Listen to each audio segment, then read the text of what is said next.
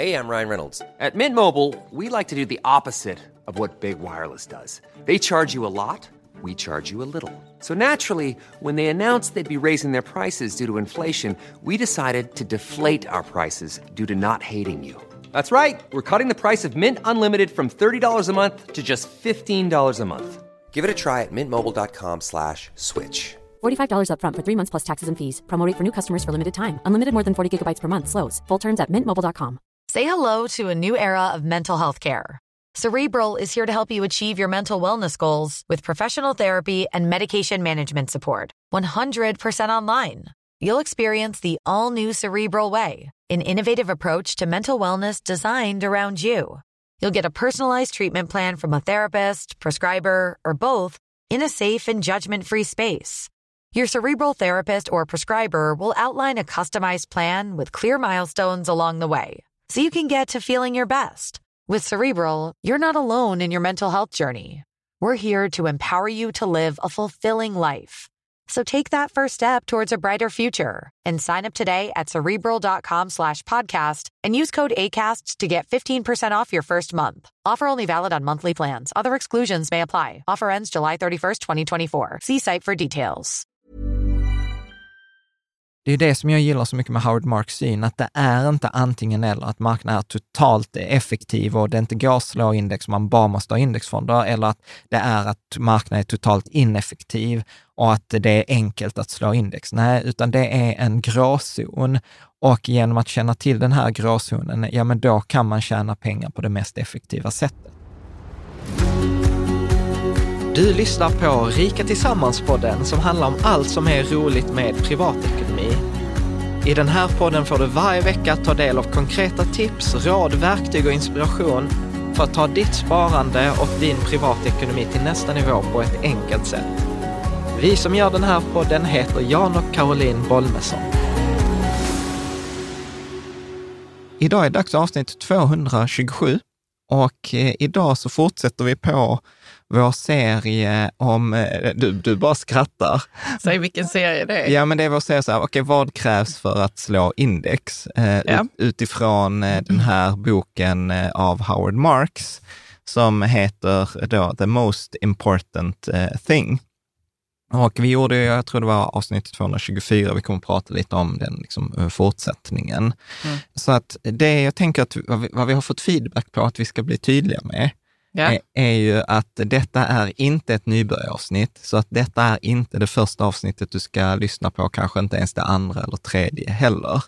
Utan eh, detta är, liksom vi brukar ju rekommendera avsnitt 99 Mm. för den som inte har lyssnat, som handlar om så här, hur kommer man igång med sitt sparande, varför vi rekommenderar indexfonder, fondrobot och eh, avsnitt 190 som handlar om de fyra hinkarna. Ja. Eh, så- man delar upp sin ekonomi till Ja. exempel. Mm. Så att detta är liksom inte heller ett avsnitt kring att eh, liksom så byta strategi, eh, utan detta är liksom ett avsnitt som handlar, okej, eh, hur, om man vill liksom anstränga sig på marknaden, om man vill liksom spela det här spelet, att slå index, det vill säga att vara bättre än eh, de andra som är aktörerna på marknaden. Liksom om vi vill spela i elitserien, liksom i hockey, hur spelar vi elitserien? Ja, du, du, Ja, ja visst. Eh, nej, jag bara skrattar lite åt att du sa hockey. För att, eh, men det är ju lite så. Du tog ju ett sånt exempel eh, vid tidigare tillfälle att det är lite som en, som en någon sport, typ av sportarena där ute. ja, Och man är lite från korpen ja. och spelar med sina små aktier som man har. ja, men precis. Det, Och sen så spelar man egentligen då mot eh, ja, men vi, ja, vi, PSG då, Paris. eh, Saint-Germain, ja. eh, där, vi tog, ex- där vi tog exemplet att de har lika många tränare som de har spelare, Ja. om inte fler. Eh, och precis. att eh, liksom... Man har inte samma förutsättningar. Nej, och Nej. ingen hade väl gått in och tänkt så här, nej men du vet, ja, men jag, jag gjorde detta lite, eller jag tycker jag är med i en aktiesparare, min lilla fotbollsklubb här och vi tittar på aktier och liksom sen spelar mot det. Men vi, vi, vi återkommer till, till det där också, Ja, tänker Det jag. gör vi. Och sen kommer vi naturligtvis prata om att detta är inte våra idéer, utan det är Howard Marks idéer som vi liksom återspeglar med vår erfarenhet, våra kommentarer. Och viktigt också att säga i de här sammanhangen att historisk avkastning inte är en garanti för framtida avkastning, att detta inte är finansiell rådgivning och att mer information finns på bloggen då, riketsammans.se villkor. Men jag tänker så här att om vi ska ta bara en kort eh, repetition, så är ju detta en fortsättning på avsnitt 224. Mm. Så att man kan liksom nästan hoppa tillbaka där. Och eftersom detta inte är ett nybörjaravsnitt så kommer vi inte heller liksom förklara liksom supermycket vad är index eller liksom de här termerna, utan detta är, det, som sagt, detta är ett fördjupningsavsnitt. Mm. Och del ett, kommer du ihåg vad del ett handlade om, Karo? Ja, var... Jo, men det var det här med second level thinking, var det inte det? Ja, men precis. Ja. Och, och second level thinking, kun, alltså så här, om man skulle sammanfatta det i en enda mening, mm. så handlar det så här, du kan inte göra samma sak som alla andra och förvänta dig ett annat resultat. Det vill säga, du kan inte investera som marknaden och förvänta dig att få ett bättre resultat än marknaden. Så att du behöver, för att få superior return, som man pratar om, för att få en bättre avkastning än marknaden, det vill säga än andra aktörer, så behöver du tänka annorlunda. Alltså att man behöver ha den här eh, icke-konsensussynen. Och det räcker inte bara att ha icke-konsensussyn, för det är enkelt. Eh, liksom, du måste dessutom ha rätt, för det spelar ingen roll att tänka så här, jag eh, tror att Tesla ska gå ner. Ja. Det är ju en icke-konsensus. Och sen går den ju upp. Ja, men då har du ju inte... Du har inte tänkt rätt då. Du har inte tänkt rätt och du har inte tjänat några pengar, utan tvärtom, du har förlorat pengar. Något som jag upplevde i somras, eller var det förra sommaren? Jag, jag vet, vet, inte, du har ju liksom blankat de här Tesla-aktierna länge nu känns det som. Ja, men det var länge sedan jag gick ur den. ja, det var bra. Ja. Det var bra. Så att, eh, liksom att det här med att tänka annorlunda, det är ju egentligen bara första steget. Alltså, det var det kanske som inte riktigt framkom i förra avsnittet, att det är ju bara första steget. Sen när man väl har tänkt annorlunda, då kommer ju all researchen. Till exempel att jag tog exempel eh, som att vi gjorde en analys, jag och ett par kompisar gjorde en analys av storskogen, eftersom vi har ganska stor position i det. Eh, och det var ju liksom ett, vi hade liksom, vi tänker annorlunda än marknaden kring det, men sen så la vi nästan hundra timmar på en analys. Mm. Så att liksom tanken var ju enkel, det var ju researchen sen som var liksom mer jobb. Det finns i, i, i forumet, den analysen. Men sen, sen hade vi faktiskt ett avsnitt som vi spelade in, men som faktiskt inte publicerat med, med Caspian, med vår kollega. Och det var roligt för han kastade två ljus till på det här just med second level thinking på eh, Michael Burry, eh, som är eh, huvud, en av huvudpersonerna i filmen The Big Short, som är boken av Michael Lewis, eh, som handlar ju om den här amerikanska, vad ska man säga, fastighetskrisen 2008, mm. hur han var en av få fondförvaltare som liksom redan ja men två, tre år innan var så här, men fastighetsmarknaden i USA kommer gå åt skogen, det är en bubbla. Och sen börjar han ju liksom positionera sig mot, eh, mot det. Ja, och du tycker att, att det var... Eh, Nej, men det, exempel, det var ett exempel på second level thinking mm. och framförallt så visar den också på svårigheterna med second level thinking för att du är ensam i din syn. Du behöver ha rätt. Du vet, alla skrattade åt honom, alla trodde att han var idioten i rummet. Och, och liksom, han blev ju till och med stämd för hans, aktie, den här, liksom, hans investerare trodde ju inte på honom och ville ha ut sina pengar och han stängde fonden och det blev liksom katastrof. Jättebra film. Har man inte sett den filmen intresserad av ekonomi så kan man liksom eh, se den. Så den jag minns det som att de förklarar lite sådana begrepp i den filmen också. Ja, ja, ja alltså, absolut. Kändisar hoppar in och förklarar begrepp. Och sånt. Ja, eller är det den eller nej, är det en annan film? Jag tror att det är en annan. Det kanske är en annan film. Jag tror den heter Inside Man, den andra, med typ uh, Matt Damon och sånt. Sen, sen, eh, andra exempel som också Kasper kom med, det var ju liksom Mark, med, inte Mikael, Mark Spitznagel på Universum som vi hade det här avsnitten för typ ett år sedan. Jag kommer lägga länk i beskrivningen där vi pratade om till exempel med svarta svanar utifrån eh, Nicholas Talebs bok.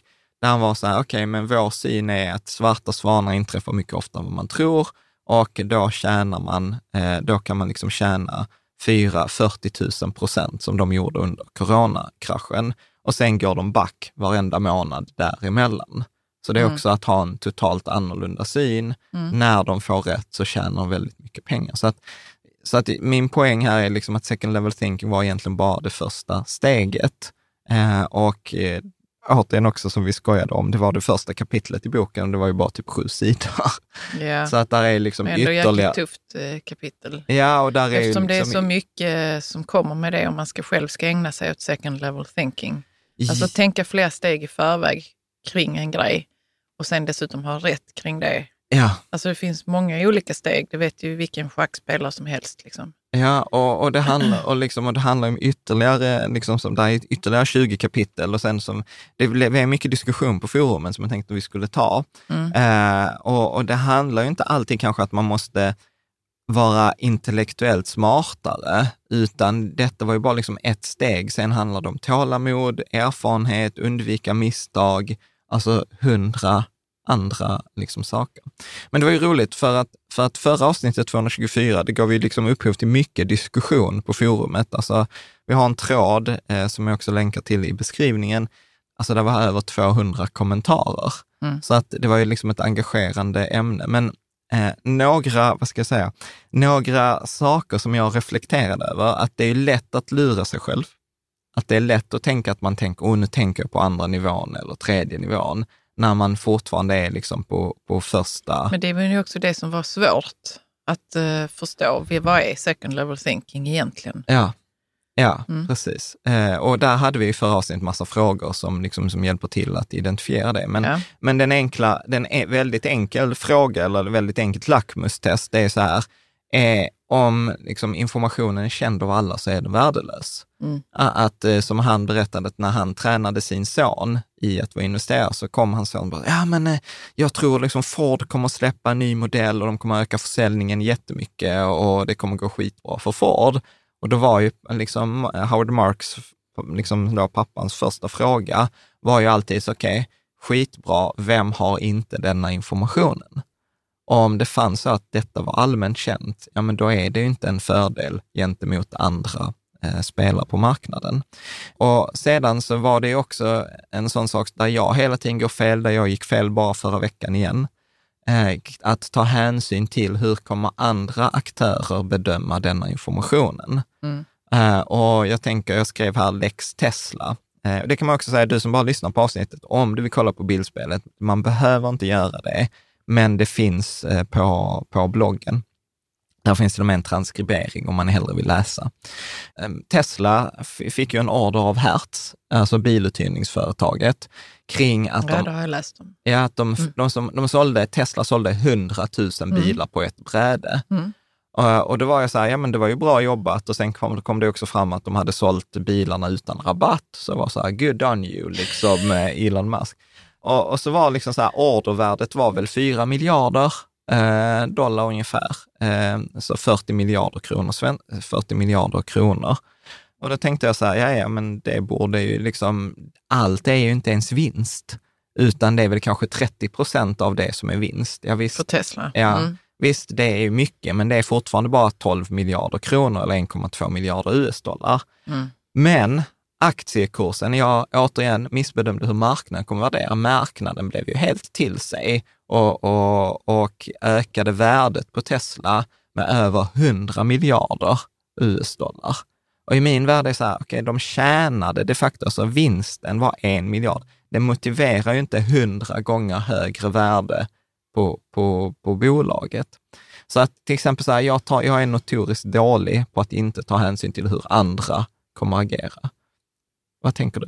Ja, men, ja, men jag tänker att det är så mycket känslor, verkar det som, på börsen. Ja, ja, ja, men precis. Eh, Och många samtidigt, eh, många som samtidigt har samma känsla, då blir det ju så. Ja, Det är sån och min- överreaktion. ja, och, reaktion liksom. ja, och mitt misstag är så här, nej, men alla är rationella, alla tittar på vad detta är Ja, värt. du är inte rationell heller. Nej, men det är Just klart. när du tänker där i den stunden, liksom, hur mycket de tjänar och sånt, det är bra, liksom, då är du rationell. Ja, Men nej, men ingen. vi är ju inte det, någon av oss egentligen, bara i, i korta stunder. Liksom. Ja, men absolut. Men i, i, detta, i, men i denna poängen, alltså så min poäng här är ju att, att jag är dålig på att liksom, ta hänsyn till liksom, hur kommer marknaden reagera på detta? För jag tänker så här, nej men det, det där är ologiskt. I min värld är det så här, totalt ologiskt att värdet på bolaget borde öka med 100 miljarder för att de har tjänat en, en miljard i vinst. Det är inte logiskt. Ja, och då, den tanken kostar mig pengar har kostat mig mer pengar än vad jag någonsin vill räkna på. Uh, ja, vi går vidare. Ja, men sen, och sen så har vi ju också liksom PSG-metaforen kring att liksom på börsen har vi liksom inte som i fotboll att ja, men spelar du bara en timme i veckan, då spelar du i division 7 eller i Korpen eller liksom du hyr en bana eh, liksom på, på lokala bandyklubben. Utan här har vi ju att alla spelar på samma, och då var det många som argumenterade på forum, ja, men det räcker ju att du slår liksom den andra småspararen, att du slår liksom eh, tant Agda eh, där, där ute eller någon. Men, men det är inte heller sant, för att det är inte som att äh, liksom, tant Agda har lika mycket pengar som PSG. Så att det, i en affär är det större sannolikhet att du möter de professionella förvaltarna, mm. eftersom de har en större mängd pengar. Så man kan liksom inte tänka som så här, ja men om man är jagad eh, av någon som vill slå ihjäl en, det räcker att man springer fortare än den som är söligast. Ja, den metaforen funkar inte riktigt på, eh, på, på börsen. För, för att man måste mer tänka, liksom, hur är kapitalallokeringen snarare än antalet. Så du behöver inte vara bättre än 50 procent av investeraren, du behöver vara bättre än mängden pengar. Så det var också en sån här grej som var eh, där. Och sen någonting som vi också var inne på och som Howard Marks står upp i, i dagens kapitel är att det räcker, du kan ju ha ett, två, tre, fyra, fem år som är bra på ren tur. Alltså det är ju det är som att singla slant. Där kommer vara ett antal personer som singlar samma i ett antal steg. Så att eh, jag tror att Howard Marks skriver så här att tittar man rent statistiskt på det så behöver du ha 64 års historik. Men grejen är att ingen, ingen förvaltar pengar i 64 år. Utan då var det som i avsnitt 209, tror jag, kommer jag när vi hade han pensionsexperten Christian mm. Tjurhuvud, han sa så här, mm. när du har slagit index i 10 år, då kanske du har något. För det var också poppis i Kan du fundera över om du ska ändra strategi? Ja, eller behåll, ja, liksom... nej, om du har slagit, behöver du inte ändra strategi. Nej, men, nej, om du har hållit dig till en strategi i tio år Precis, och den har ja. slagit index, då ja. kanske du har någonting ja, där. så var det. Mm. Ja. Så att, för det vet jag också, på, ja, men titta här, folk på nätet gillar att publicera så här, oh, titta jag har slagit index i ett år eller två. Så, så det var ju så här, jag blev lite trött då, då publicerade jag också, så här, men jag har slagit indexen 2014. Men grejen är att jag vet att det betyder ingenting. Och, och, här kommer vi väl egentligen till kärnan, både i dagens avsnitt och, och förra veckans, eh, eller förra veckans med avsnitt 224, är ju så här, och, och Howard Marks poäng i boken, det är så här, det är inte enkelt att slå index. Jag säger inte att det är omöjligt, men det är inte enkelt. Och metaforen här blir ju så här, hur slår man en schackmästare? Och, och, och om, jag, om jag tänker att hur, hur, man ska slå en schackmästare så tänker jag att det är två alternativ. Det ena alternativet är ju att man fuskar. Och då tänker jag inte att man fuskar att man flyttar pjäserna annorlunda, utan man fuskar genom att... Man har hjälp i, i örat menar du? Av någon annan schackmästare? Nej, det är inte så heller. Nej. Utan jag tänkte så här, mycket, mycket enklare. är så här, du spelar inte schack. Nej, alltså, nej, utan man, man, tar med honom eller henne och springer 100 meter eller slåss eller gör någonting annat. Och i, i liksom hur, hur, påver, hur, hur översätter man det till börsen? Ja, men man till exempel eh, tar en indexfond mot småbolag eller så kallad faktortilt. Vi har småbolag eller vi har värdebolag istället för tillväxtbolag eller vi använder hävstång. Eh, eller vi rör oss på en marknad som inte är effektiv, som är regulatoriskt begränsad. Alltså att man utnyttjar något, liksom ett annat spel mm. helt enkelt. Eh, det andra alternativet för att slå en schackmästare, det är ju så att man tränar. Man spelar sjukt mycket schack i hela sitt liv. Man skaffar sig erfarenhet och man blir en bättre schackspelare än schackmästaren. Ja. Utmaningen så, som jag upplever ju här när jag tittar på de här två, och den, den här serien handlar ju om alternativ två. Alltså hur blir jag en bättre schackspelare? Hur blir jag en bättre schackmästare än andra? Medan jag upplever ju att den ansträngningen tar väldigt mycket tid och, och, liksom så här, och jag har liksom inte den uthålligheten, det intresset att spela så sjukt mycket schack att jag blir bättre schackspelare. Så därför, by default, jag gillar ju alternativ ett.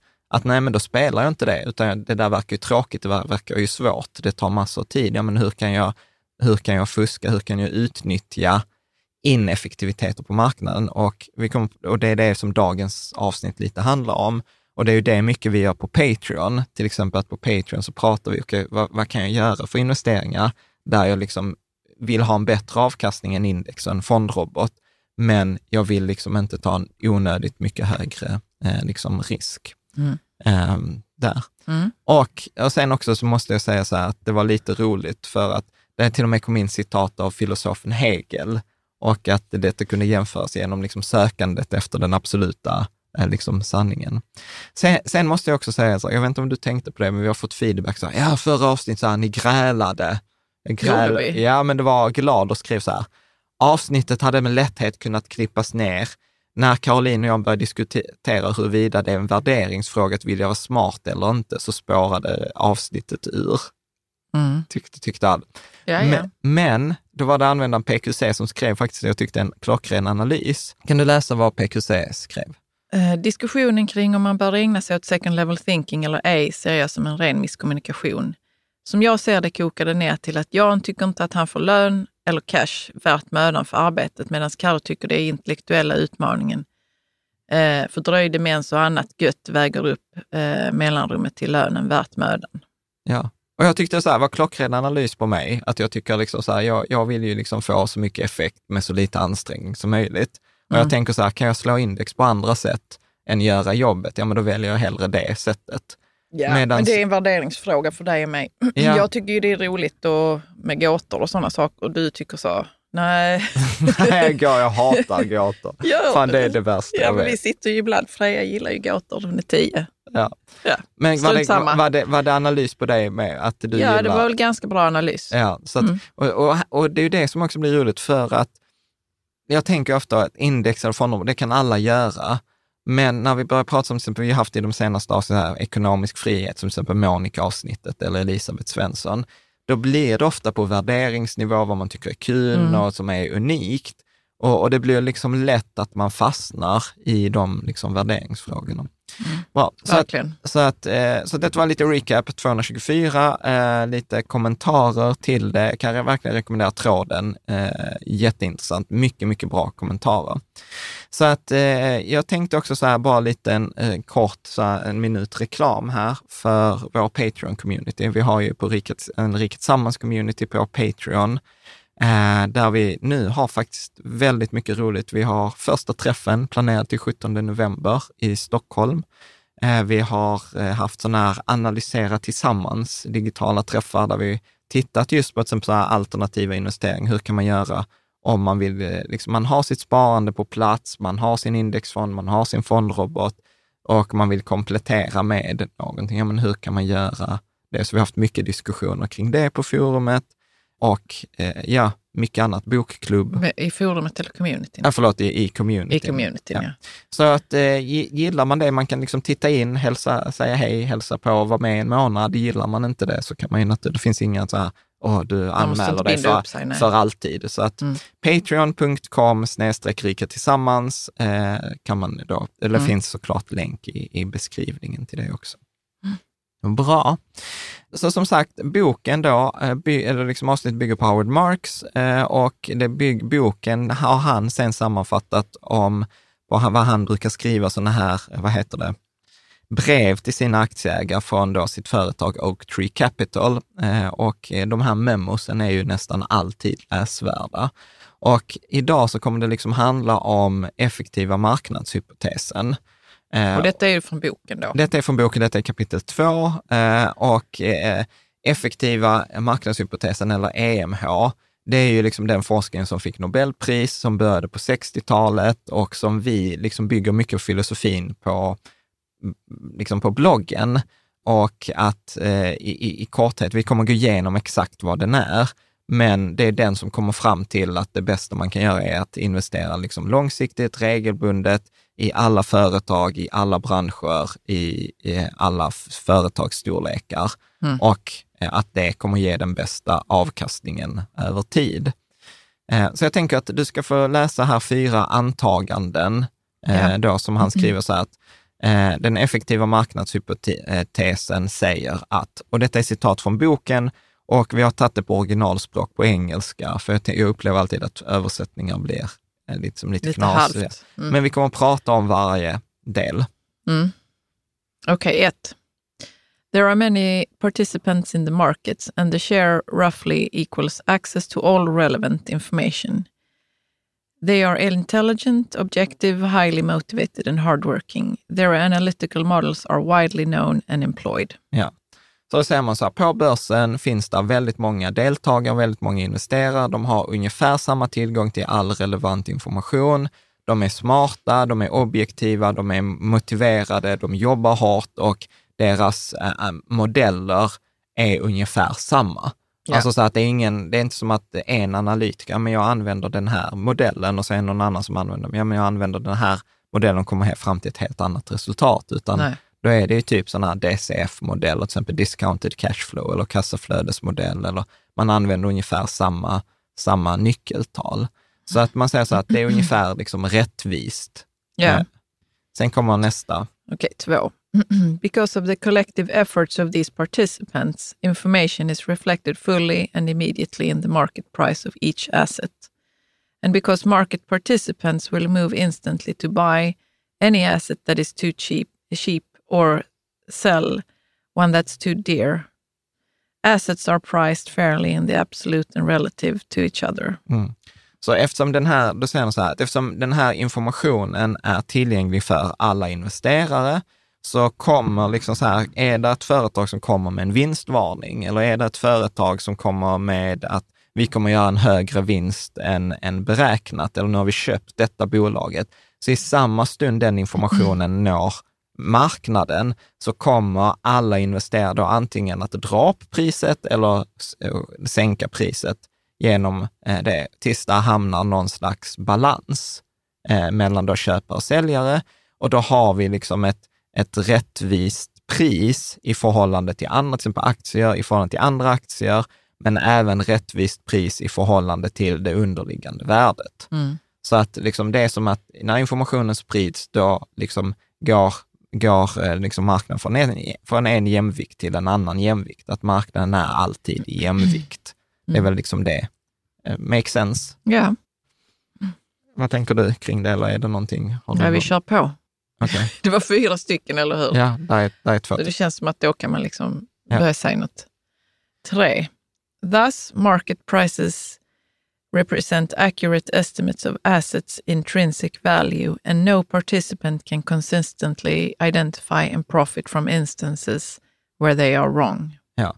Så då säger man så här, marknaden har inte fel eftersom liksom det är rätt priser, eller vi är i jämvikt hela tiden, så kommer ingen eh, deltagare att kons liksom konsekvent över tid kunna hitta, eh, liksom i, kunna identifiera och tjäna på de tillfällen då det är fel. För att tiden mellan liksom jämvikt till ett ny jämvikt går så snabbt, så att ja, du kan ha tur och vara bland de första, men liksom över tid så är det slump och du kan liksom inte konsekvent liksom alltid vara, "Ja, men jag är den som alltid tjänar pengar i den här förändringen. Nej, Eh, liksom.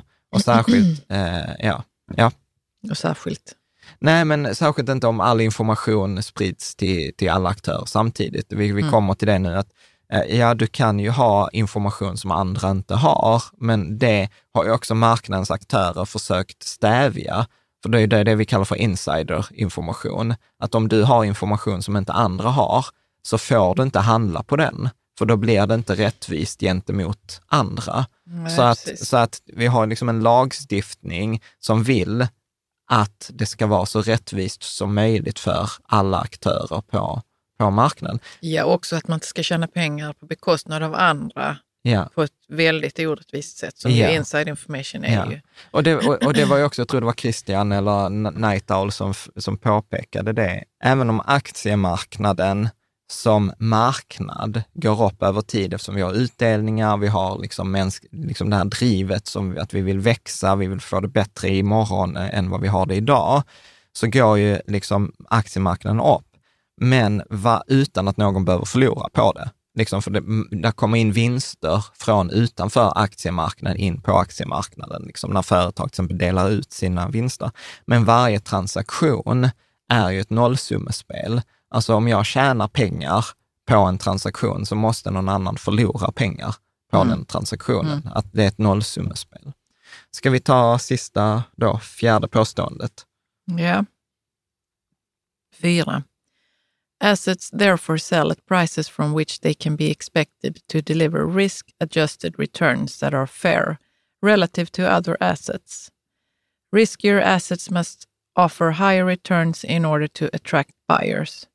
The market will set prices so that uh, appears to be the case, but it won't provide a free lunch.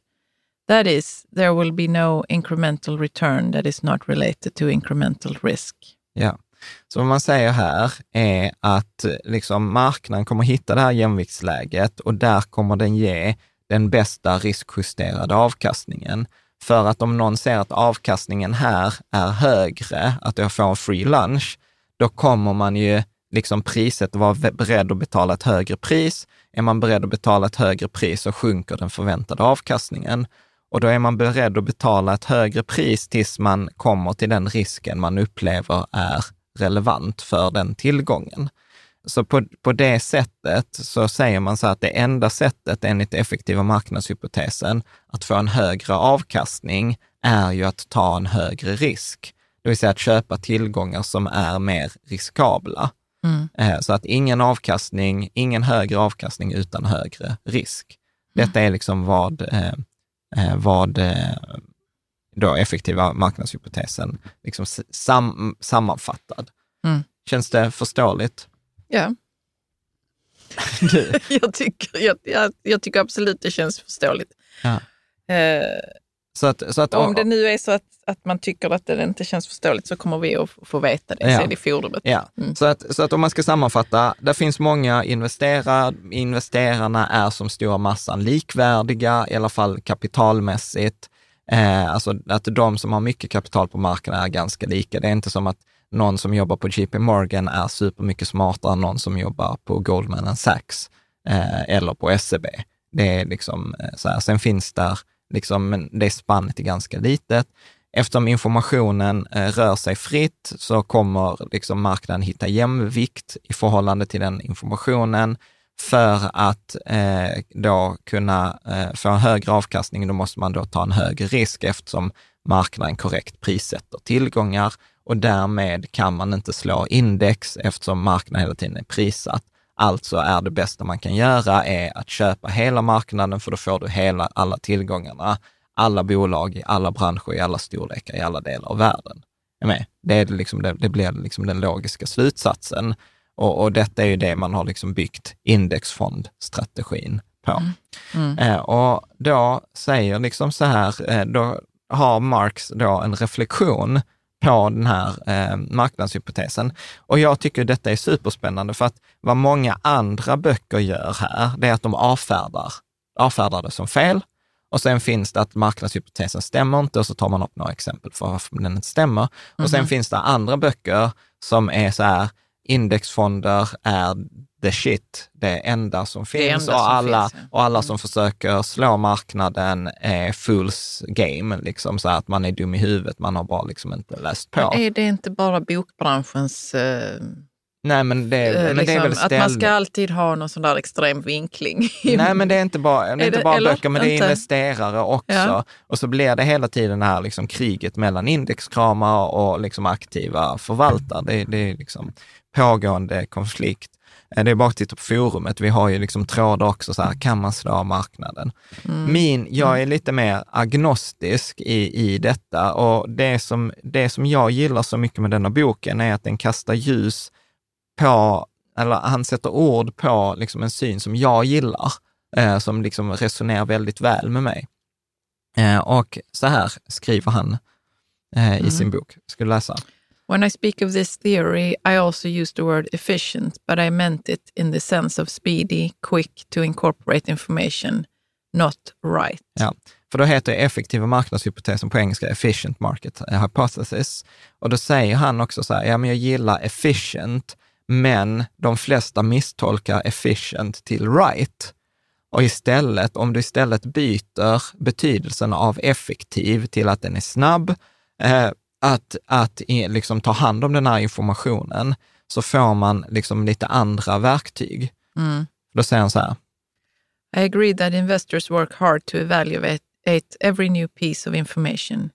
Asset prices immediately reflect the consensus view of the information's significance. Ja, så han håller med om att investerare kommer liksom så här, ta till sig ny information och den nya informationen kommer då reflektera konsensussynen på den här informationen. Men nu kommer man till liksom hans klo här. Mm. I do not, however, believe that the consensus view is necessarily correct.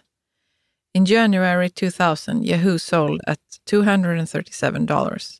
In April 2001, it was $11. It has to have been wrong on at least one of those occasions. But that doesn't mean that many investors were able to detect and act on the market's error. Mm. Och här tänker jag också kommer vår Tesla-exempel. Så det kom ny information. Tesla har sålt 100 000 bilar till Hertz. Marknaden tar till sig den informationen och värderar in den i aktiepriset. Är ni med? Och, och då kan vi, liksom, om vi använder effektiva liksom, definitionen, så här, speedy, quick to incorporate information, så var det precis vad som hände. Sen behöver ju inte det vara korrekt. Men bara till exempel om det var, liksom, jag ansåg ju inte att det var korrekt, men jag tjänade inga pengar på det, utan tvärtom hade jag då till exempel blankat så har jag liksom förlorat pengar på det. Mm. Så att, så att han säger så här, ja, marknaden kommer inkorporera ny information. Det kommer bli en ny konsensusjämvikt, men det betyder inte att konsensus har rätt. Men vad är det här rätt egentligen? Det undrar jag. Alltså, för jag förstår vad han menar, Ja, men ehm, samtidigt inte... Jag, jag bara försöker få grepp om det här. Marknaden tycker att, att Yahoo var, var, var ehm, värd 11 dollar i april 2001 och i, i januari 2000 så var den värd 237. ja. Och- och då kan man och då tänker jag så, ja men ja okej. Eh, Då har den sjunkit i värde till april 2001 Ja. och då är det så att Spelar det någon roll om det är rätt eller fel? Det är bara som det är då. Eller förstår du vad jag menar? Att jag, Men, men frågan att ställa sig är så här, Ja, alltså så här, det är ju 20, en faktor 20. ja. Ja, och då kan man ju ställa sig så här, ja man om- blir chockad ja. nej, ja, nej, men så här, om man tittar på själva företaget, Ja, man skiter i aktiekursen. Är motiv, är, har det skett sådana stora förändringar i bolaget att det motiverar en skillnad på en faktor 20 i värdering? Förstår du? mm. Det- med Tesla-exemplet förstår jag. Ja. Där förstår jag. Så till exempel, jag anser, jag anser ju till exempel inte att eh, liksom, eh, en, en, en order som ger eh, 12 miljarder i vinst motiverar en värdeökning på 1200 miljarder. Mm. Är ni med? Jag anser ju att det Absolut, inte... absolut. Och, då, och jag kan vara lite så, jag har viftat bort det här innan. Så jag har tänkt så, det som ger mig puls, det ger andra puls. Och då, är det liksom, då sker det saker på det viset, liksom Ja. Teslan till exempel. Men eh, eh, jag har en känsla här av att du kommer säga så, det är viktigt att eh, förstå vad som är Nej. rätt då kanske. Ja. Och varför. Ja, och det, det är alltså så här, för, så här, vart vi är på väg, Ja, som, är på väg? som Marx gör väldigt bra, är att han är på väg att koppla ihop effektiva marknadshypoteser med second level thinking. Ja, För att det här, att vi pratar liksom om att effektiva marknadshypotesen visar konsensussynen. Och för att tjäna en överavkastning så kan du inte ha konsensussynen, utan du måste ha en annorlunda syn. nu Och blir jag du- helt torr i munnen här. och du måste, och du måste ha rätt. Mm. Är med? Så till exempel just Ja, jag nu, gillar det. Jag Ja. gillar det jättemycket. Ja. Jag vill också veta vad som är rätt. Ja, och just nu, till exempel om vi tar, återigen tar Tesla-exemplet. Eh, jag har en icke-konsensussyn på värdet om Tesla, men jag har inte rätt. Med. Alltså tjänar jag inga pengar. Så att min, eh, liksom så här, om jag, om, om jag till exempel så här, för att kunna tjäna pengar på, på Tesla-grejen, till exempel, då hade jag kunnat ha min icke-konsensussyn, Ja, som är så här, Tesla är övervärderat. ja. Ja, och okej, om jag tror att jag har rätt om det, då skulle jag ju blankat Tesla. ja fast i, du måste göra det i rätt eh, ögonblick också väl? Ja, men såklart. För du kan inte göra det nu och sen hoppas att det kommer att slå in om det nu är så att, Ja, tri- tricket är att om jag har gjort jobbet så behöver jag inte hoppas. nej, precis. Men för Då att jag- för att jag har rätt. Än med. Men du måste också veta när väl? Ja, men det, det ligger ju i rätt. Ja, det, Det- ligger i att ha gjort jobbet att- och, att ha rätt. Och, och, då, och då är Mm. man så här, ja men på tillräckligt lång sikt så kommer, alltså så det är som eh, Arne Talving, Kavastu på Twitter brukar säga så här, att att investera är ju ganska enkelt. Det är bara att gå ut i skogen, hitta kantarellerna och sen väntar man där tills de andra kommer dit och upptäcker kantarellerna, tills marknaden kommer dit. Och det är väl samma sak här. Ja, men då, om, om jag har rätt i detta Tesla-caset, så borde jag ju blanka den och sen gå och ställa mig i, i skogen och vänta tills aktiekursen kommer dit där jag har sagt att den är rätt. Mm. Ja. Eh, och då kommer vi också komma in på svårigheterna, för hur vet Ja, jag att jag har rätt? Liksom, hur vet jag Sjukt att... svårt, det kan hända andra grejer dessutom Ja, som gör att inte Tesla faller i värde. Vilket har varit caset de senaste åren. Ja, ja visst. Eh, men om vi fortsätter, för det, Mm. alltså detta, jag tycker detta är briljant skrivet. Okay. If prices in efficient markets already reflect the consensus, then sharing the consensus view will make you likely to earn just an average return. To beat the market, you must hold a non-consensus view. Ja. Och det, Ja, detta vet vi ju. Ja, men, och detta är ju så här briljant. Så här, om eh, liksom så här, på den effektiva marknaden så är priset på en aktie är konsensusvin och genom att dela konsensusvin så kommer jag få marknadens genomsnittliga avkastning. Mm. Indexfond. Genom vår indexfond äger vi Tesla till den värderingen som är konsensus, Mm. vilket ger oss en genomsnittlig avkastning. Vilket i min värld, eftersom vi sen vet att de flesta inte ens får den genomsnittliga avkastningen, kommer ge oss en bättre avkastning än de flesta andra. Är du med? Så där har vi liksom första, första steget så här. I schackmästaren, så här, spela inte schack liksom. Du behöver inte slå honom eller henne, bara liksom vara så här, ja, jag, jag lämnar walkover och så nöjer jag mig med att ha den genomsnittliga avkastningen. Kräver ingen tid, kräver ingen kompetens, kräver ingen ansträngning. Jag kan vara lat, jag kan vara passiv, jag kan göra andra saker i mitt liv. Ja. Enkelt. Mm. Och sen kommer vi till då, to beat the market you must hold a no consensus view. Det vill säga, okej, om jag nu ska slå schackmästaren, ja, men då måste jag spela bättre honom eller henne. Så om vi fortsätter. The bottom line for me is that although the more efficient markets often misvalue assets, it is not easy for any one person working with the same information as everybody else and subject to the same psychological influences to consistently hold views that are different from the consensus and closer to being right. Ja.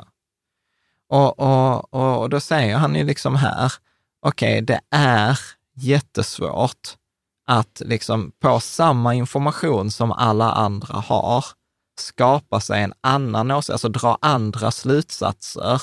Vi tittar alla på samma information, men jag som vill slå index måste dra andra slutsatser från samma information som alla andra har och vara närmare sanningen än vad Ja. andra är.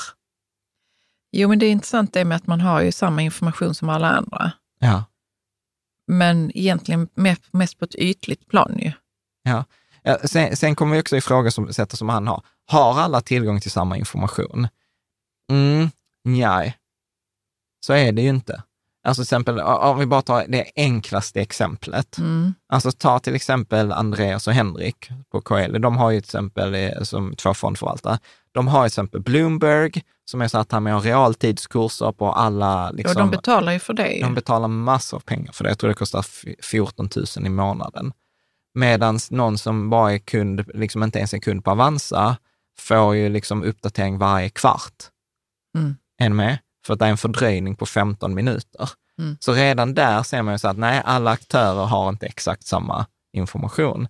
Sen är det ju aktörer till exempel eh, som eh, lyssnar in på varje kvartalsrapport, läser varje kvartalsrapport, eh, varje årsredovisning, går på investerarträffarna, ringer till investerar, eh, investor relations på ett företag, har följt ett företag i flera år. En ja, sån- de agerar ju på, den, på det som de vill få information Ja. om. Ju. Ja, Mm. de har ju mer information än någon som bara liksom googlat fram det i en lista.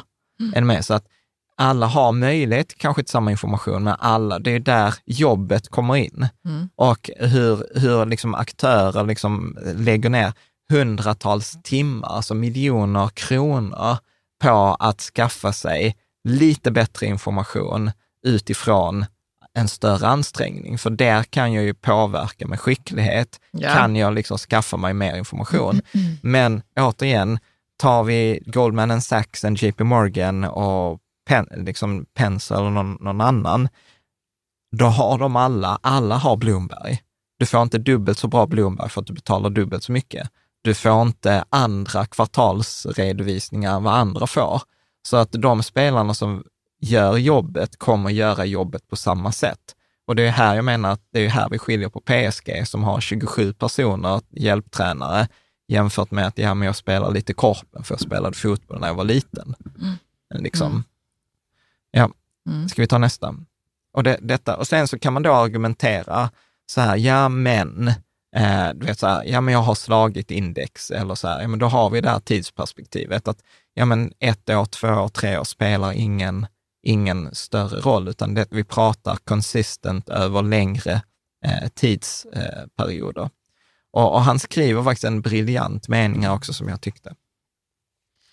The fact that Warren Buffett and his world attracts as much attention. Nej. The fact eh, that Warren Buffetts of this world, alltså de Ja. som man, kändisarna, Mm. ja, The fact that Warren Buffett of this world attract as much attention as they do is an indication that consistent outperformers are exceptional. Ja, det vill säga att om det vore enkelt och att slå, att slå index konsistent eller konsekvent över tid, då hade vi inte haft superstjärnor. Med? För det hade ju varit en icke-nyhet. Ja, men jag tänkte på det innan när vi pratade om den här informationen. Mm. Eh, och nu är jag ju inte insatt i hur det funkar ute i finansbranschen Mm. på något vis. Men kan det vara så ibland att man fokuserar på fel, att ta fram fel information? Ja, Eller information som kanske inte egentligen ger en det som man Ja, börja- behöver för att outperform. Liksom. Ja, så är det. Och sen är det många som tolkar, läser informationen och tolkar den fel. Ja, precis. Det är subjektivt också. Ja. Ja. Och, och att man är slarvig. Mm. Alltså det såg vi till exempel i, återigen, det närmaste där jag har gjort liksom jobbet och har en, haft en informationsfördel, det är ju liksom Storskogen-caset. Mm. Eh, och där märkte jag ju plötsligt hur till exempel affärsvärlden gjorde fel. Alltså så här direkt fel. De läste slarvigt. Eh, Mm. liksom. Ja. Eh, det har vi en annan tråd om. Liksom. Mm. Så, att, så att poängen här är att, du vet så här, om det var så här, ja men du vet, eh, det är som att köra till jobbet. Alla klarar av att köra till jobbet. Är med? Därför blir det liksom, det kommer ingen nyhet så, här, åh, Jan kom fram till jobbet idag också. Medan det är extremt ovanligt att någon åker ut till rymden. Alltså till exempel som vi har haft Jeff Bezos nu eller Elon Musk eller de åkte upp i rymden. Men när det blir vardagsmat så är det ju ingen som kommer rapportera om det. Så här, äh, nytt rymdskepp med turister ut i rymden. Ryan Reynolds här från Mint Mobile. Med priset på nästan allt som går upp under inflationen, trodde vi att vi skulle bring våra priser down. So to help us, we brought in a reverse auctioneer, which is apparently a thing. Mint Mobile unlimited premium wireless. Ready to get 30, 30, bit to get 30, bit to get 20, 20, 20, bit to get 20, 20, bit to get 15, 15, 15, 15 just 15 bucks a month. So, Give it a try at mintmobile.com slash switch. $45 upfront for three months plus taxes and fees. Promo for new customers for limited time. Unlimited more than 40 gigabytes per month. Slows. Full terms at mintmobile.com. Hey, I'm Ryan Reynolds. Recently, I asked Mint Mobile's legal team if big wireless companies are allowed to raise prices due to inflation. They said yes. And then when I asked if raising prices technically violates those onerous two year contracts, they said, What the f are you talking about, you insane Hollywood ass? F- So to recap, we're cutting the price of Mint Unlimited from $30 a month to just $15 a month. Give it a try at mintmobile.com slash switch. $45 upfront for three months plus taxes and fees. Promo for new customers for limited time. Unlimited more than 40 gigabytes per month. Slows. Full terms at mintmobile.com. Först, Nej. Förstår du vad jag Nej, exakt. Jag ska bara säga en parentes här. Har Elon Musk varit ute i rymden? Var det inte några andra som... Nej, jag vet inte. Jag tror inte han har varit ute i Ja, rymden. men okej. Ja, jag vet inte. Ja, Ja, men så, så kan det ju vara. samma. Så kan det ju vara. Eh, men då menar jag på att liksom just i och med att man pratar om Warren Buffett eller Peter Lynch eller Jim Rogers eller Jack Bogle eller alltså att de här, där finns de här kända profilerna. det visar ju liksom på att det är exceptionellt och att de är exceptionella.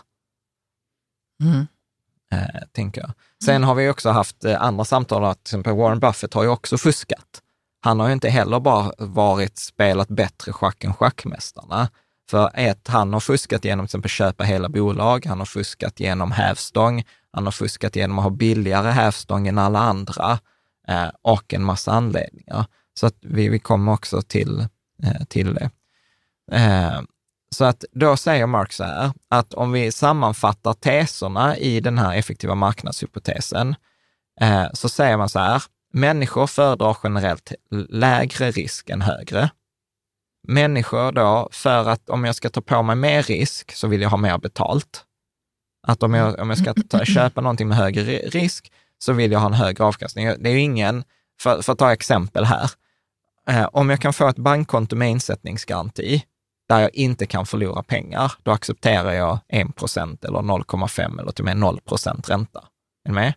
Om någon säger så här, men Jan, vi placerar dina pengar här på aktiemarknaden, du kan förlora alla pengarna, då kommer jag inte acceptera 0,5 procents avkastning, för då kan jag ju hellre sätta pengarna på bankkontot med insättningsgaranti och få 0,5 procents avkastning.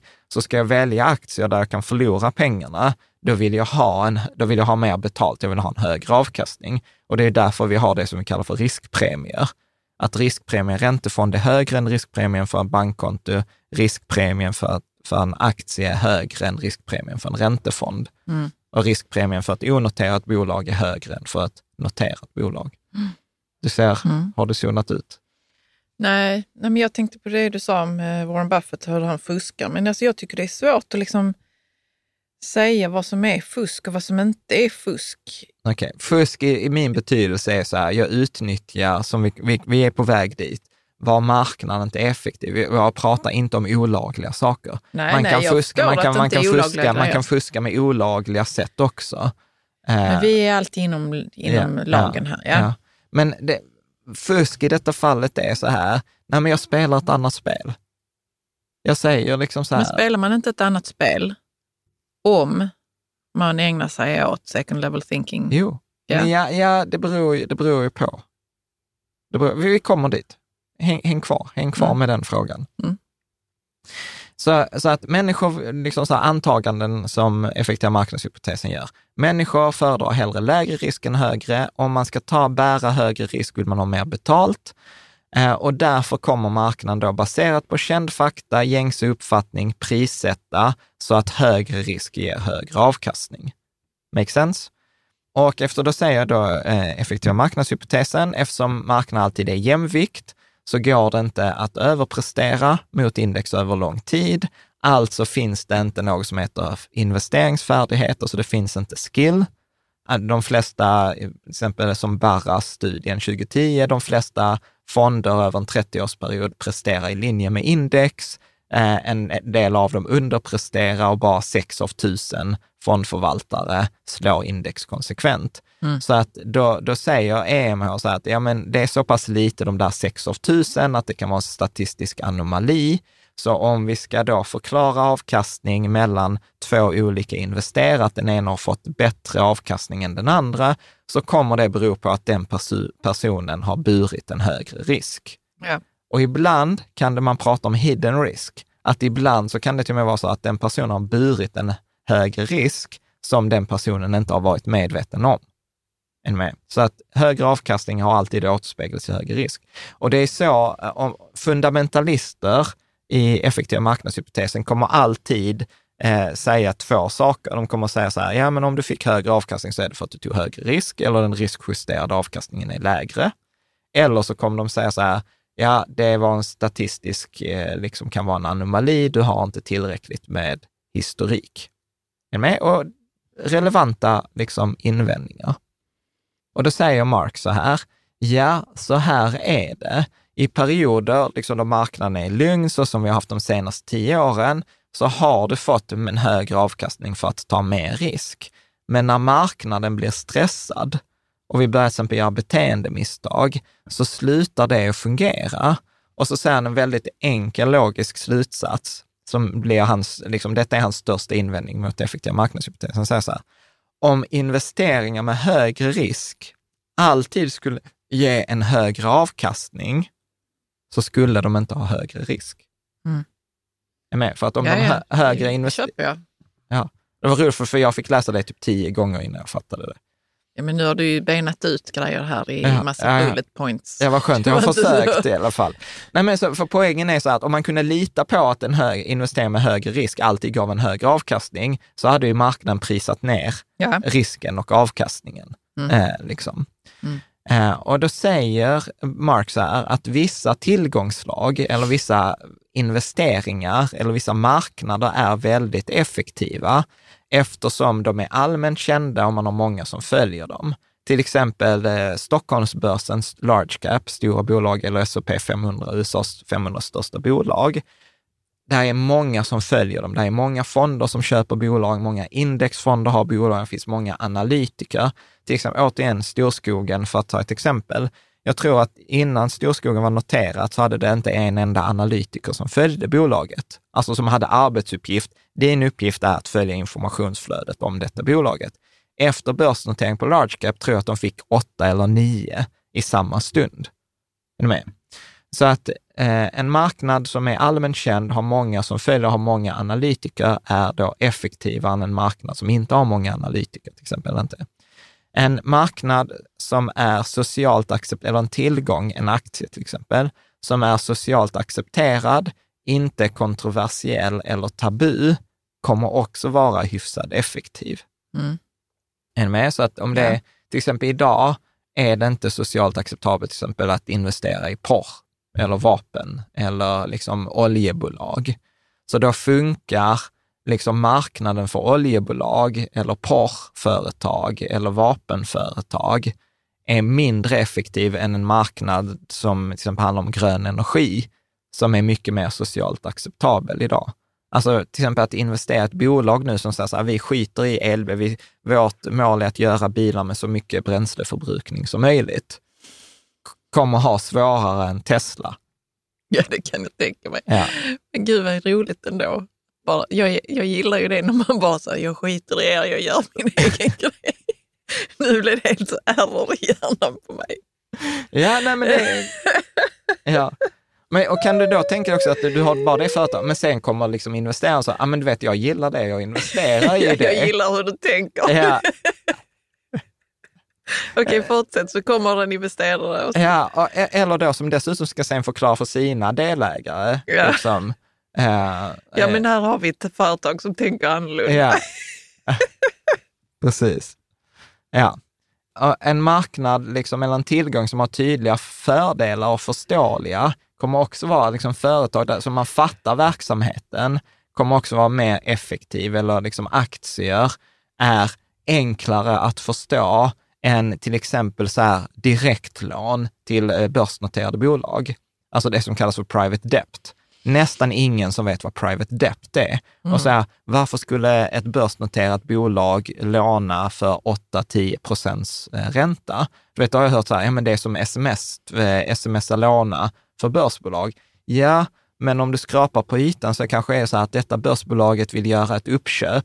Man vill inte ge ut en ränteobligation för det tar tid. Man kan inte låna av banken för man har redan lånat ett par miljarder så bankerna får inte låna ut mer. Och eh, då vill du göra en sån här under radarn lånelöfte, ja men då, då är det värt att kanske ta ett lån på 8-10 procent. Liksom. Ja, så att en aktiemarknad kommer att fungera mycket bättre än en private debt-marknad. Motsvarigheten till private equity eh, för övrigt. Och en marknad eh, eller aktier eller tillgångar där informationen sprids tydligt och brett kommer också vara effektivare än, än en annan. Så ja.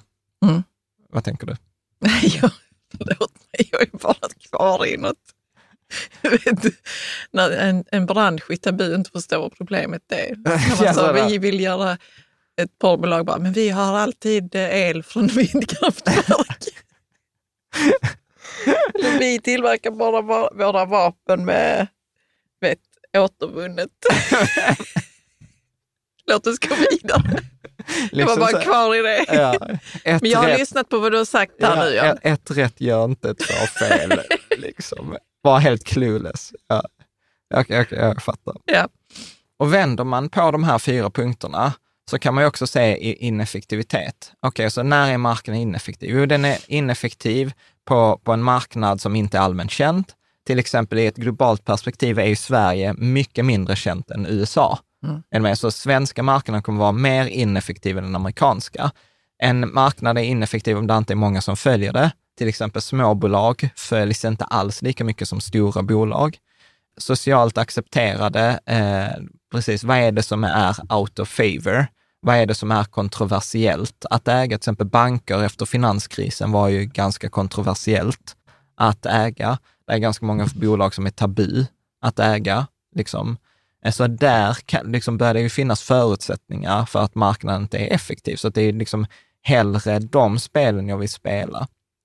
Och framförallt till exempel där informationen inte sprids tydligt och brett. Exempelvis onoterade bolag. Där har, det finns inga krav på kvartalsrapporter, finns inga krav på att man ska investera, träffa, finns inga krav på att man ska publicera saker på hemsidan. Så att där har du liksom en in, mycket mer ineffektiv marknad, mycket högre potential till avkastning, mycket mer skicklighet, eftersom du får betalt för skicklighet mer än vad du får på en S&P 500-marknad. Mm. Hänger, hänger med? För detta är, detta är liksom viktigt, Mm. eh, tänker jag. Så om du läser vad han skriver. Second level thinkers know that to achieve superior results, they have to have an edge in either information or analysis or both. First question is always the same. Who doesn't know that? Ja. Så här börjar han liksom göra den här kopplingen mellan second level thinking och då den här effektiva marknadshypotesen. Och så skriver han så här. Second level thinkers depend on inefficiency. To me, describing the market as inefficient as a high flown way of is a high flown way of saying that market is prone to making mistakes that can be taken advantage of. Ja. Så att för att jag ska kunna få glädje av min second level thinking så måste jag kunna utnyttja en ineffektivitet på marknaden. En ineffektivitet på marknaden betyder att det är en felprissättning. En felprissättning kan vara att priset är för högt eller att priset är för lågt. Men om marknaden, jag kan liksom inte tjäna en överavkastning om priset är rätt. Liksom. Så han säger så här, att säga att marknaden är ineffektiv är egentligen bara ett fint sätt att säga att marknaden gör misstag och de här misstagen kan man tjäna pengar på. Mm. Så. Och då pratar han om att, liksom, återigen, att antagandena som man gör, alltså så här, varför man kan skjuta ner då effektiva marknadshypotesen, är så här att marknaden, det finns många investerare på marknaden, de jobbar hårt. Det säger ju ma- marknads-EMH. Den säger också att investerarna är intelligenta, flitiga, objektiva, motiverade och välutrustade. Eller att de har tillgång liksom, till verktyg, information.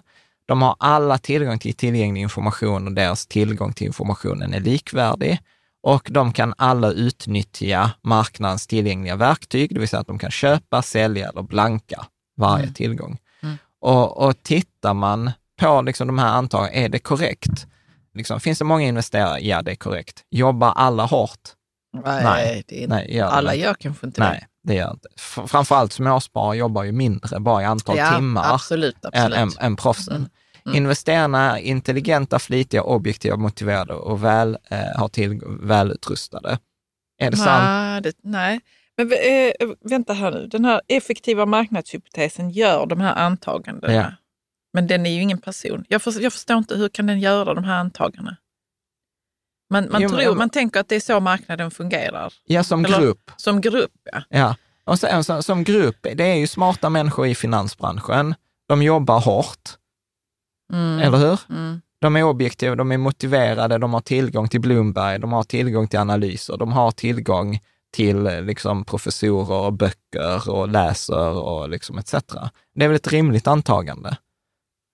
Mm. Som grupp skulle jag säga absolut, men är alla, Ja, men ja. är, är alla objektiva? Ja. Nej, Ja, absolut, absolut inte. De har alla tillgång till all tillgänglig information, deras tillgång är likvärdig. Det är inte heller sant. Alltså, vi pratar Nej. om det, den som inte är med på Mm. Avanza har 15 minuters fördröjning. Så Mm. nej, det är inte heller liksom rätt i, i, alla, liksom, i alla case. Eh, och sen den sista, alla investerare utnyttjar marknadens tillgängliga verktyg, köpa, sälja, blanka. Nej, så är Nej, det ju inte heller. Inte heller. Nej, det är många som inte blankar eller inte ens vet vad blanka är. Att jag liksom lånar en aktie för, som jag säljer, det vill säga att jag tjänar pengar på nedgång och spekulerar mot. Eh, jag tjänar pengar på att en aktie går ner i värde. Mm. Och, och det är dessutom så här, alla investerar inte i alla tillgångar. Det har vi också pratat om, nej men vi är en, till exempel eh, om vi tar Carl Amfelt och Erik Spinchorn som kör till ny teknik. De är duktiga, men de säger så här, vi, vi investerar bara i nordiska småbolag inom tech och medicin. Mm. Ish. Så de investerar ju inte i marknadens he- hela liksom, eh, spektrum. Och sen är de förmodligen också begränsade att de får till exempel inte blanka, utan de måste ju bara, de får bara lov att köpa eller sälja. Och Ja. sen får de ju liksom dessutom inte ha mer än 10 procent i en enda aktie, för att där är liksom USITs begränsningar. Mm. Så, att, så att ja, är, är effektiva marknadshypotek funkar ju tillräckligt bra. Den har gett Nobelpris och det är ingen som har motbevisat den. Men när vi börjar skrapa på ytan så finns där förutsättningar för att, den, liksom att det är som en flod, men att det i den här floden är virvlar där det inte fungerar. Nej, men absolut. Mm. Sen kommer ju, liksom, då är vi tillbaka sen på det där, är det värt jobbet att hitta de där virvlarna, utnyttja dem och liksom ta den där extra risken och hoppa ner i virveln istället för att liksom undvika dem, bara hänga med i floden och känna så att ja, men, utan tid och ansträngning så har jag min indexfond som ger en bra avkastning. Mm. Så att man, vad man kan liksom säga, hur man liksom kännetecknar en ineffektiv marknad, det är ju att man kan säga så att priserna på en ineffektiv marknad är ofta fel. Det vill säga att det är svårt att få tag på information, det är svårt att göra en analys och har man liksom fel information så kommer man ofta göra en felaktig analys och det leder till felaktiga liksom, priser. Typiskt så här onoterat, återigen, jättesvårt att få tag på information, svårt att göra en korrekt värdering. Därför är liksom risken med möjligheten till onoterade bolag högre. Onoterade bolag, sådana som inte handlas på Avanza eller. Nordnet i korthet. Eh, en ineffektiv marknad kommer också ha en felprisad riskjusterad avkastning. Det vill säga att eh, det här värdet kommer vara långt ifrån det verkliga värdet, eh, helt enkelt. Och vissa liksom, investerare på en ineffektiv marknad överpresterar konsekvent. Och det är då till följd av att de upptäcker de här felprissättningarna och kan utnyttja dem än med att göra vinst. Så att detta är liksom, så man känner en, så hur vet man, eller hur känner man igen en ineffektiv marknad? Jo, att det är ofta stora rörelser, till exempel i priserna, att priset kan hoppa. Eh, det är sällan ett bolag på liksom S&P 500 eller Stockholmsbörsen hoppar med 20, 25, 50, 100 procent. Alltså att felprissättningen är jättestor. I onoterade bolag är inte ovanligt att de kan uppvärderas med 50 procent på sex månader eller eh, ett år. Än med för att det, Mm. det är svårt att göra en korrekt analys. Medan liksom stora bolag med många analytiker, med, med stort värde, med många investerare, flyttas ju ofta bara någon procent. Ja, precis. Det måste ju hända väldigt speciella grejer för att, för att något annat Ja. ska ske med Ja. aktiets värde. Ja, Mm. ja. Och ofta blir det också då, det kan vara handelsstopp och ofta är det något konstigt som har hänt då, liksom, så Wirecard, eh, liksom att det är bedrägeri eller något sådant. Jag tänkte på Yahoo var det ju, det var ju något ja, som men det hände var där. IT-bubbla. Det Ja. var ju IT-bubblan som föll, så där följer Mm. allt. Liksom. Så att där hade man ju Jag visste det var hela 2001, ja. Ja. Mm. Sorry. Eh, ja. Så Marks eh, kommentar, han, han säger ju så här, att just alltså när man kan se en marknad där där finns vissa investerare som konsekvent får en högre avkastning än andra. Till exempel Warren Buffett fick ju högre avkastning än alla andra. Eh, då har han ju upptäckt felprissättningar och kunnat göra vinst på dem med viss regelbundenhet. Sen har vi pratat i andra avsnitt, till exempel den vinsten som Warren Buffett har gjort de senaste 20 åren är ju mycket lägre än den vinsten han gjorde mellan 80 och 2000 än mellan 2000 och 2020. Så att det har ju blivit svårare för honom för att marknaden har blivit mer effektiva. Mm. Eh, Men då säger Marx så här. The last point is very important in terms of what it does and does not mean. Inefficient markets do not necessarily give their participants generous returns. Rather, it's my view that the prov- they prov- that um, They provide. they provide the raw material, mispricings that can allow some people to win and others to lose on the basis of different skill. Ja. Så att bara för att en marknad är ineffektiv, eller vi till exempel pratar om onoterade bolag, bara för att man ger sig in i onoterade bolag så är man inte garanterad vinst. Utan tvärtom, bara genom att liksom jämföra till exempel onoterad marknad med noterad marknad, så säger, säger vi så här att den onoterade marknaden kommer ha fe, fler felprissättningar än den noterade marknaden. Små bolag, till exempel small cap eh, eller First North, kommer ha fe, fler felprissättningar än large cap. Stockholmsbörsen kommer ha fe, fler felprissättningar än amerikanska S&P 500. Men bara för att jag agerar på Stockholmsbörsen betyder inte det att jag kommer tjäna pengar, utan bara att möjligheterna till att tjäna pengar är fler baserat på att min färdighet kommer spela en större roll. Eh, liksom. Mm. Är det Ja, men det är begripligt. Ja, ska det säga.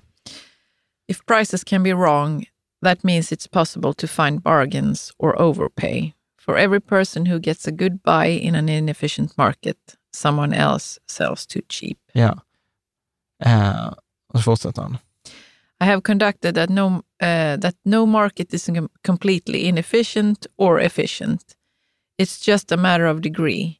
I wholeheartedly appreciate the opportunities that inefficiency can provide, but I also respect the uh, concept of market efficiency. And I believe strongly that mainstream securities Security markets. yeah. Security markets can be so efficient that it's largely, largely a waste of time to work at finding winners there. Gud, vilken komplicerad mening. Ja. Bryt ner den. Jo, men då säger han, och detta, är- detta, jag älskar detta. Detta är nästan liksom så här kärnan i, i hela detta avsnitt, kärnan i, liksom som jag tänker bara sno rakt av. För då säger han så här, min åsikt är att ingen marknad är helt ineffektiv eller helt effektiv. Det finns inte en, liksom, denna marknad är ineffektiv, denna är effektiv. Det kan dessutom variera i tid. Han säger så här, det är bara en matter of degree, alltså att den är till viss del ineffektiv eller till viss del effektiv. Att det är en skala. Liksom. Det, är antingen, det är inte antingen heller. Och han säger så här, jag uppskattar de här möjligheterna som en ineffektiv marknad kan ge mig, men jag respekterar också konceptet marknadseffektivitet. Det finns marknadseffektivitet också, att den här EMH, den stämmer eh, till en viss grad. Och han säger att den stämmer till exempel på de mainstream marknaderna, alltså till exempel börserna, de noterade, till exempel, ja, men, vi tar amerikanska börsen som exempel, eller large cap i Stockholmsbörsen, där, vet, där de flesta fonderna befinner sig, där analytikerna befinner sig, där de flesta sparare befinner sig, till exempel investmentbolag i Sverige. Och då säger han så här, att mainstream security markets can be so efficient that it's a largely a waste of time work at finding winners there. Och det är väl det som jag konstaterade själv för ett antal år sedan. Så här, att, nej, jag kan inte göra en bättre analys av H&M än andra analytiker på H&M. Det är inte värt för mig att köpa H&M eller spekulera i H&M eller i, i Tesla eller i de här andra. Utan om jag vill slå in det, för jag har ju också den drivkraften och tävlingskraften, men då försöker jag inte vinna över schackmästaren i schack, utan jag behöver fuska, jag behöver spela ett annat spel, jag behöver hitta där marknaden är ineffektiv och, och där jag får mer betalt för min skicklighet, eller jag får mer betalt för till exempel kontakter, eller jag får mer betalt för att jag kan regulatoriska krav. Och, och detta var till exempel någonting vi gjorde på Patreon, att jag bjöd in eh, Coeli, eh, Coelis Private Banking Wealth Management. Då pratade vi om just det här, till exempel att vissa investeringar kommer man inte åt som investerare om man inte har kanske en miljon, Ja. för att där kommer en regulatorisk begränsning. För att, eh, för att bolagen liksom säger, nej men du kan inte köpa detta om du inte kan köpa för en miljon, för då behöver inte vi skapa ett prospekt, för att då kan vi anta att du är en professionell investerare. Liksom. Och då får man inte lov att sälja den på Avanza och Nordnet. Alltså blir marknaden ineffektiv. Alla har inte tillgång till samma information. Alla kan inte göra köpet. Liksom alla har inte kontakterna. där finns inte hur mycket pengar som helst. Och, och då blir det liksom enklare att, att agera. Liksom. Ja, men detta är ju ändå kul ju. Att det är på det viset. I, i, ja. Det är inte kul om man inte har en miljon och vill in i, i den här typen. Men det, finns, det verkar ju finnas många sätt som marknaden är ineffektiv. Eller många Ja, ja. ställen. ja, ja, ja. Men det, det som är klurigt är att ta reda på var det är och liksom, Ja. fall man intresserar sig tillräckligt mycket Ja. för att vilja gå in där. Liksom. Ja, precis. precis. Men, men min upplevelse är ju att, att många tänker inte så här, var är den ineffektiv? Nej, Utan, utan man liksom så lär sig och så ska man liksom eh, spela på spelplanen som är crowded. Alltså på mainstream ja, men det är väl där man market. börjar. Men sen så kan jag tänka mig ändå att, att det finns de som inte tänker på att det kallas att marknaden är ineffektiv, utan att de hittar sina hål. Liksom. Ja. Ja. Så måste det ju vara. Så, så då, avslutar Marx här, vi, vi ska runda av här alldeles strax, liksom att det, liksom, det är ett sunt synsätt att ställa sig liksom några liksom, sådana här frågor. Då kan Ja. läsa vad han, skriver. Why should a bargain exist despite the presence of thousands of investors who stand ready and willing to bid up to the price of anything that is cheap?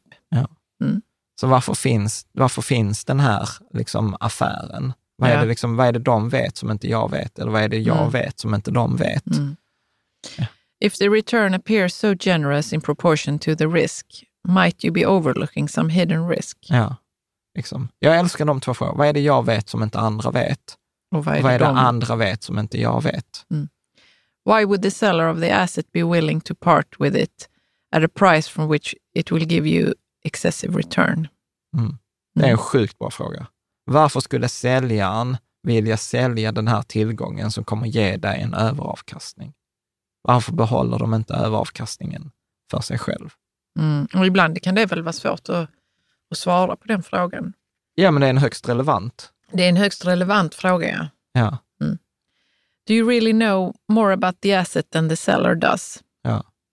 Också en, eh, en sjukt viktig fråga. Men här pratar vi inte bara om börsen väl? Nej, vi pratar om Nej. vilken tillgång som helst. Vilken tillgång som helst, ja. För jag tänkte på det du, du och eh, han professorn eh, ehm, från Handelshögskolan pratade om, vet han Sudini? Ja, Att han tänker alltid att när någon säljer en eh, tillgång, till Mm. exempel på börsen, så funderar jag över vad är det den personen vet som inte jag vet?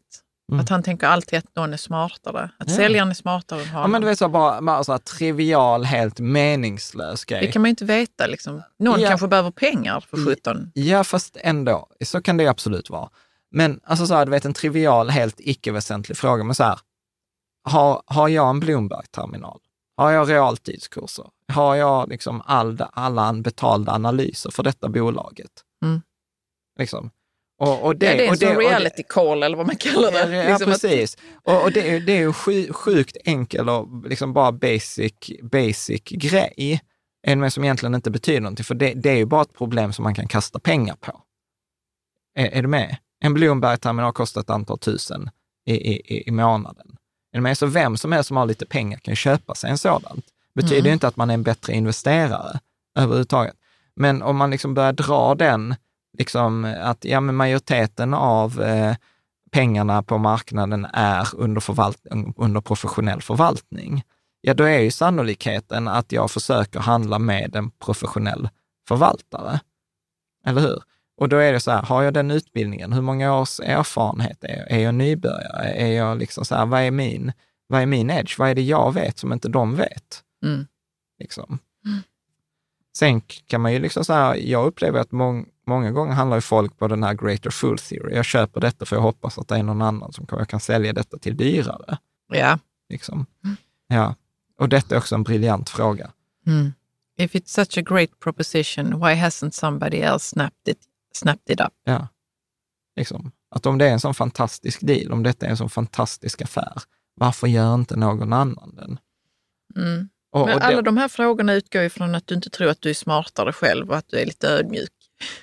Eller hur? ja. Att du är nyfiken på, ja, ja, är det verkligen så smart att göra den här affären för mig? ja, absolut. Absolut. Och detta är ju så svåra frågor och, och det, detta är ju därför jag ogillar liksom det där, spela mot schackmästaren, för detta kräver ju mycket tid och energi. Sen, sen har jag gjort jobbet i vissa sammanhang, alltså på Patreon har vi gjort det ibland, att jag kan svara exakt på de här frågorna. Till exempel, jag gillar ju fuska med likviditet. Eh, att till exempel onoterade bolag eller eh, att, att du inte kan sälja när du vill.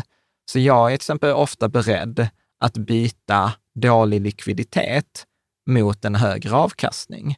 Eh, så, så, att jag kan till exempel säga, ja, men pengarna här är låsta ett år, två, tre år, fyra år. Jag vet inte. Jag, har, jag köper en risk i likviditet, men å andra sidan så vill jag då ha högre avkastning.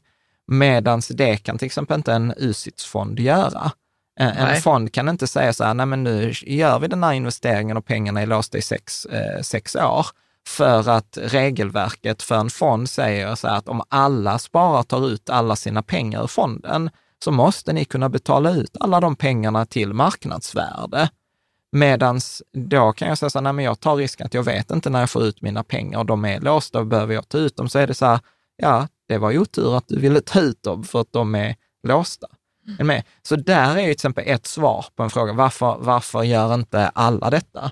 Och mm. återigen, storskogen, vi, vi köpte ju in oss liksom så här två år innan notering vid notering, det var ju då Swedbank, Robur kom in, Kliens, eh, AMF, alltså massa andra fonder. Varför har de inte gjort det? Why, why hasn't somebody else snapped it up? Nej, för att regulatoriskt kunde de inte göra det innan börsnoteringen. Så att då är det liksom ett relevant svar på den frågan. Absolut. Mm. Där, Marx fortsätter. Uh, for investors to get an edge, there have to be efficiencies to take advantage of. That, uh, that inefficiencies to take advantage of, står det That alone is not sufficient condition for outperformance. That just means some prices are too high and some are too low. Mm. Så för att en investerare ska kunna ha, liksom en före, kunna överprestera mot marknaden, att slå schackmästaren i schack, så måste schackmästaren göra misstag. Men bara för att schackmästaren gör misstag så är inte det garanterat att jag kommer vinna. Det betyder bara att han eller hon har gjort misstag. Liksom, det betyder bara att vissa priser är för höga, vissa är för låga. Jag måste fortfarande kunna identifiera vilket pris som är för lågt, vilket som är för högt. Sen behöver jag dessutom komma in i affären. Mm. Liksom kunna göra det. Jag måste ha kapitalet, jag måste liksom ha regulatoriska tillståndet, jag måste ha en mängd andra faktorer. Mm. You still have to be more insightful than others in order to regularly buy more of the former than the latter. Many of the best bargains at any point in time are found... In time, förlåt. In time. Ja, det jag, jag var trött. in time are found among the things that other investors can't or won't do. Ja. Så Ibland att, finns det sådana ord här som ja, men det är, ja, men det är för att jag har dålig planering. Så tänker så det är jag som är dålig på engelska nej, som nej, inte vet nej. vad detta betyder. Nej, men detta tycker jag också är intressant. Att many of the best bargains at any point in time are found among the things others investors can't or won't do. Mm. Alltså att det är vissa saker man inte rör, eh, till exempel. Och detta är också liksom en stor anledning till varför jag tror många proffs inte slår marknaden för att de bästa affärerna görs i sådant som till exempel en, som är tabu. Alltså, du vet, köpa upp banker i finanskrisen var inte, var inte kosher. Är med? Du kunde inte göra det. Du vet, så här, tänk att banker har gått ner, du vet, banker håller på att gå i konkurs till vänster, Lehman Brothers, Stearns, eh, Morgan Stanley, du vet så här. Och, och, och, så säger du så här, nej men jag har en affär, så du vet nu börjar vi köpa de här. Alltså då folk är så här, är du dum i huvudet? Alltså så här, ja men eh, fastighetsmarknaden är på rekordnivå, men då blankar vi fastighetsmarknaden. Du vet så här, ah, bara ta Michael Burry, han blev stämd. Och han blev stämd, inte liksom av sina investerare, och då var hans investerare, det var inga amatörer, utan det var ju typ Joel Greenblatt som har skrivit boken The Magic Formula. Så att det, detta är liksom så många investerare, många proffs kommer liksom underprestera mot marknaden för att de behöver ta kortsiktiga beslut, att man måste prestera på en kort horisont istället för att säga så här, men det är klart att vi kommer behöva banka om tio år. Så nu köper jag den här skiten och sen bara blundar jag och håller för näsan i tio år. Det kommer bli en bra affär. Medan liksom att göra det anställd på Swedbank, Robur, du vet, Nej, jag, hade, jag hade kunnat, det, det hade kunnat vara en karriärrisk. Mm. Liksom. Mm. Eh, särskilt när det sen hamnar i media, till exempel. Ja, så äh, jag tycker sjukt intressant. Mm. Bra. Nej, så jag tänker att nu rundar vi av här. Eh, och, och, så tänker jag att det kommer säkert bli jättemycket diskussion eh, kring detta avsnittet också. Jag hoppas, eh, jag hoppas det i alla fall. Jag tycker att det är väldigt spännande. Då kan man göra det i forumet, att bara på riketsammans.se forum. Eh, jag kommer starta en, jag gör faktiskt så på forumet nu med att för varje avsnitt så startar vi en tråd eh, en diskussion och så kan man komma med frågor, kommentarer, eh, Mm, feedback. det låter jättebra. Men Eh. vad har du nu tagit med dig här från detta avsnittet? Jag, gillar, jag gillar de här eh, detaljerna, att han urskiljer till exempel, så här, nej men ingen marknad är totalt effektiv eller totalt ineffektiv. Att den är ineffektiv betyder bara att information assimileras snabbt. Det betyder inte att den är rätt. Eh, att den är ineffektiv betyder inte att du kommer tjäna pengar, utan att den är ineffektiv betyder att råmaterialet finns där, att det finns felprissättningar eh, och eh, att jag kan få mer betalt för min färdighet om det finns liksom en ineffektivitet. Mm. Och att det är en skala också, att ja, men kanske den mest fungerande marknaden är S&P 500, medan svenska småbolag är en ganska ineffektiv marknad. Ännu värre, liksom så här, svenska småbolag, eh, ja men där, eh, där kan man liksom tjäna mer pengar på färdighet än annat. Du själv då? Eh, jag tog med mig mig att han försöker att koppla ihop second level thinking och eh, marknadens ineffektivitet. Mm. Att det är, liksom, det är det han, han har ett helikopterperspektiv här som, eh, hur det, som, som han jobbar efter, verkar det som. Ja. Men nu urskiljer han det i en bok. Ja. Alltså att det blir lite så, hjälper mig att att liksom bli smartare också. Ja. Eller liksom, förstår du vad jag menar? Nej, men jag, jag, jag gillar liksom att där, där är liksom en, en, där är en tanke, men sen har han ju gjort detta sedan 60-talet. Jo, men han har Mm. ändå haft, han har väl arbetat fram en metod. Ja. Men det handlar också om att förstå, hur, varför funkar min metod? Vad är Ja. det egentligen som jag fungerar efter? Ja. Och vilket spel Och är det det jag spelar? måste man, ändå, och, man måste ändå kunna ja, skriva och tänka de här sakerna. Mm. Det är till hjälp för många. precis. Och återigen, detta är inte allt. Detta är for- fortfarande, vi är på kapitel två av Mm. 20 Mm. och vi har pratat tre timmar, 200 inlägg. Mm. Så att, eh, ja, men jag ser fram emot resten av, eh, resten av eh, serien faktiskt. För att jag, jag upplever så att jag får, jag får ord, jag får etiketter på saker jag har tänkt, men inte Mm. riktigt kunnat urskilja det till, Exakt, den, det till den delen och sätta, sätta ord på det. Mm. Eh, och sen naturligtvis vill jag alltid liksom rekommendera vår Riket Sammans-community, alltså på Patreon, att det är verkligen, där får man ju mervärdet. Där tittar vi också på de här, vi har den här analyserat tillsammans. Där tittar vi, okej, så basen är alltid ett sparande i indexfonder, i, i, i liksom en fondrobot, men där finns liksom områden där man kan liksom fuska, där marknaden inte är effektiv. Eh, och där tittar vi på lite sådana såna Mm. delar. Men det är, det är på Patreon. Mm. Grymt! Eh, Ja. Då tänker jag att vi håller där. Nästa vecka så gör vi ett litet avsteg. Eh, då blir det intervju med Saver eh, Ja. och Daniel Arnstrup eh, som äntligen eh, har eh, introducerat indexfonder på Saver också. Eh, så det kommer vi prata, prata mer om. Och sen, eh, ja snart är det jul.